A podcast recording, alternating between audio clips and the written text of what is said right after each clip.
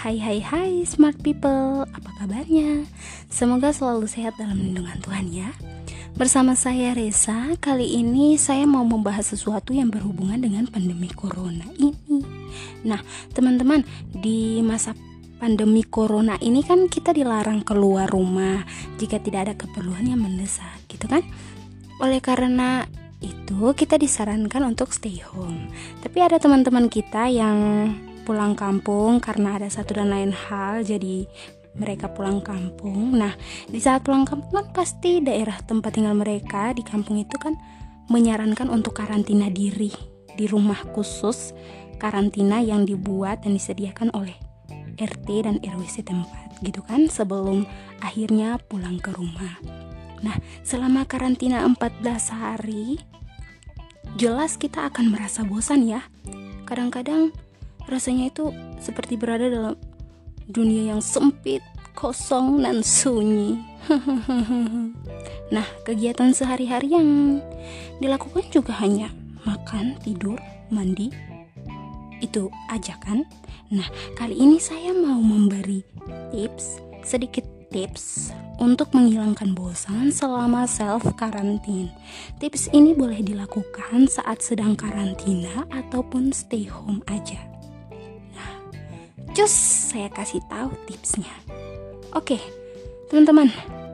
Tips yang pertama yaitu melakukan olahraga kecil di pagi hari dan di sore hari seperti melakukan senam dengan gerakan yang santai ataupun dengan melakukan gerakan yang super energik. Teman-teman bisa meniru gerakan senam di YouTube ya, karena di YouTube itu banyak banget video tentang gerakan senam gitu ya. Nah, manfaatnya sendiri itu tubuh itu menjadi lebih bugar, teman-teman.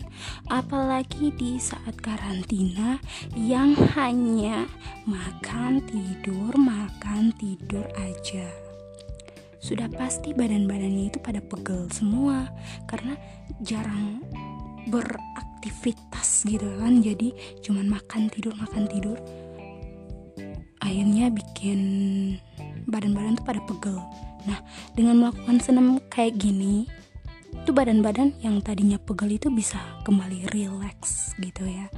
Terus tips yang kedua nih, yaitu um, melakukan kebiasaan yang disukai.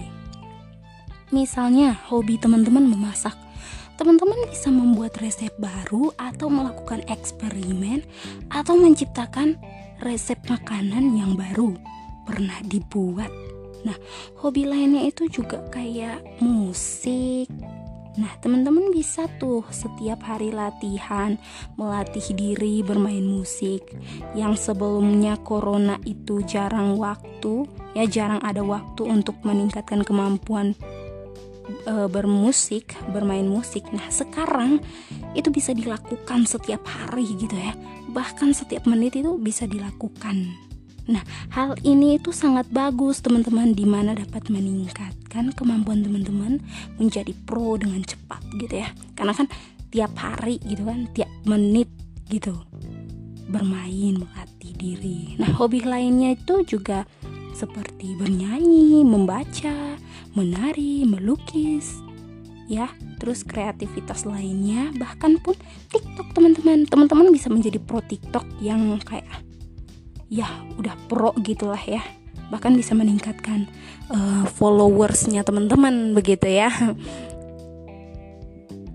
Untuk tips yang ketiga nih teman-teman itu ada tips dengan melakukan perawatan diri nih teman-teman.